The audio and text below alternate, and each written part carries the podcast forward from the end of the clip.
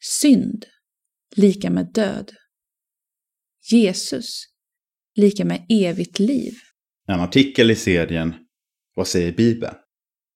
Av Jakob Andersson. Syndens lön är döden, men Guds gåva är evigt liv i Kristus Jesus, vår Herre. Romarbrevet kapitel 6, vers 23. Det är väldigt fint att få se på döden som en dörr in till det fullkomliga livet. Men kanske vi glömmer något här.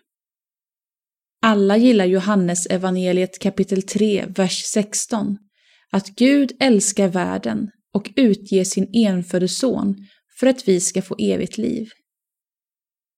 Men utgångspunkten är lika tydlig. Utan tron på Jesus går vi förlorade. Det finns ett alternativ till evigt liv och det är evig död. Bibeln säger att alla människor är syndare. Det är ditt och mitt utgångsläge.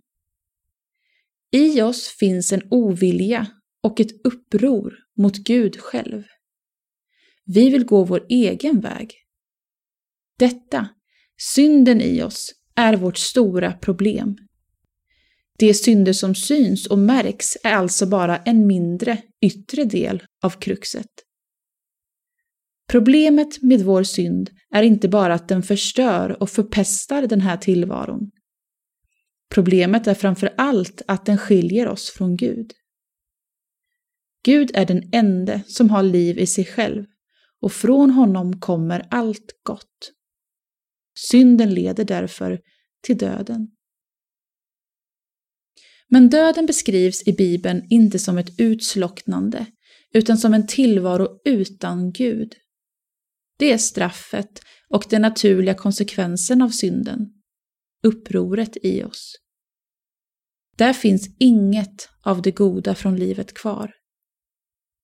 Vad det innebär kan vi inte ens föreställa oss.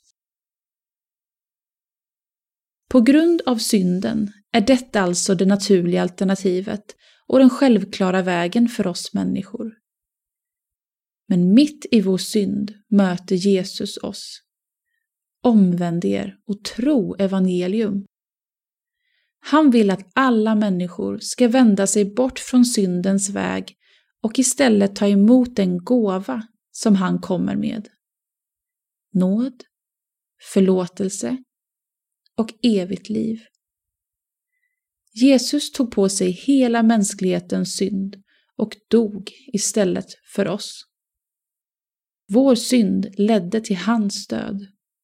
Hans död kan därför leda till evigt liv för oss. Snacka om att han har besegrat döden och lurat dödens makter. Jesus vill tömma helvetet, befria oss från syndens och dödens makt och ge oss ett överflödande evigt liv i gemenskap med Gud. Den gåvan får du ta emot och hjälpa andra att upptäcka.